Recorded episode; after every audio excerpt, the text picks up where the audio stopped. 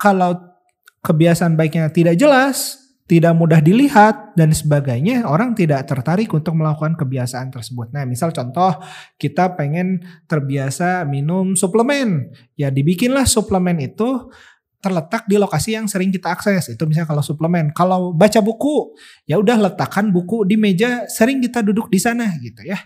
Nah, dibuat atraktif, dibuat menarik misalnya. Gimana tadi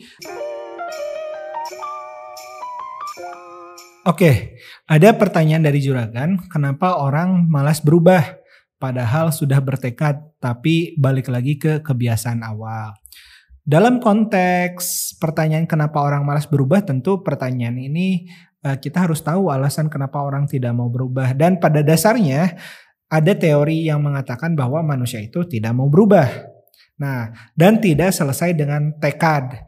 Menurut John Grinder dan Richard Bandler, itu di NLP dijelaskan bahwa what difference make difference dari beberapa orang sukses. Nah, yang pertama itu adalah tujuan yang jelas. Yang kedua action. Yang ketiga kepekaan. Yang keempat fleksibilitas. Nah, jadi sebenarnya tidak cukup hanya dengan tekad, tapi harus action juga. Juga ada fleksibilitas dan juga kepekaan. Nah, ini buat buat orang bisa uh, berhasil melakukan satu perubahan.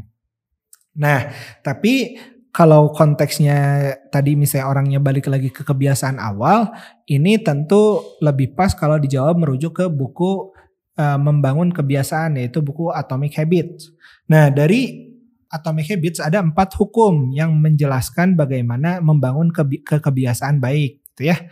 Yang pertama, membuat kebiasaan itu jelas yang kedua, membuat kebiasaan itu menarik. Membuat kebiasaan baiknya mudah. Dan yang keempat, membuat kebiasaan baik menyenangkan. Jadi, kalau kebiasaan baiknya tidak jelas, tidak mudah dilihat dan sebagainya, orang tidak tertarik untuk melakukan kebiasaan tersebut. Nah, misal contoh kita pengen terbiasa minum suplemen, ya dibikinlah suplemen itu terletak di lokasi yang sering kita akses. Itu misalnya kalau suplemen. Kalau baca buku, ya udah letakkan buku di meja sering kita duduk di sana gitu ya.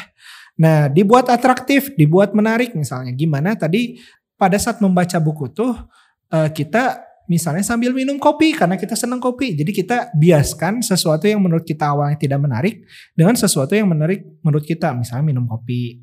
Terus dibuat mudah Nah dibuat mudah ya udah kita bawa-bawa bukunya ke mana-mana. Jangan sampai buat kebiasaan membaca buku itu kita susah.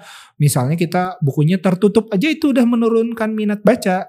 Jadi bisa dibuka diletakkan terbuka begitu aja kurang lebih seperti itu. Dan dibuat memuaskan memuaskan itu dalam artian dampaknya segera gitu. Misalnya kita ngasih reward terhadap diri kalau kita bisa selesaikan baca buku dalam sepekan hadiahnya boleh ngapain ya? Misalnya boleh nonton film dan sebagainya. Begitu juga untuk menghindari kebiasaan buruk kita lakukan hukum yang sebaliknya yaitu kebiasaan buruk itu tidak mudah terlihat dibikin tidak menarik misalnya kita punya kebiasaan buruk itu main game. Ya udah si alat main gamenya disembunyiin gitu. Terus tidak menarik. Dibikin aja misalnya setiap mau main game harus login dulu passwordnya panjang. 20 paragraf misalnya gitu ya. Nah dan dibikin susah gitu ya. Dibikin susah tuh tadi harus ngapain dulu sebelum bermain game sama dibuat tidak menyenangkan gitu ya. Misalnya pada saat main game diposting sebelah alat main gamenya tuh muka istri lagi marah-marah misalkan kayak gitu.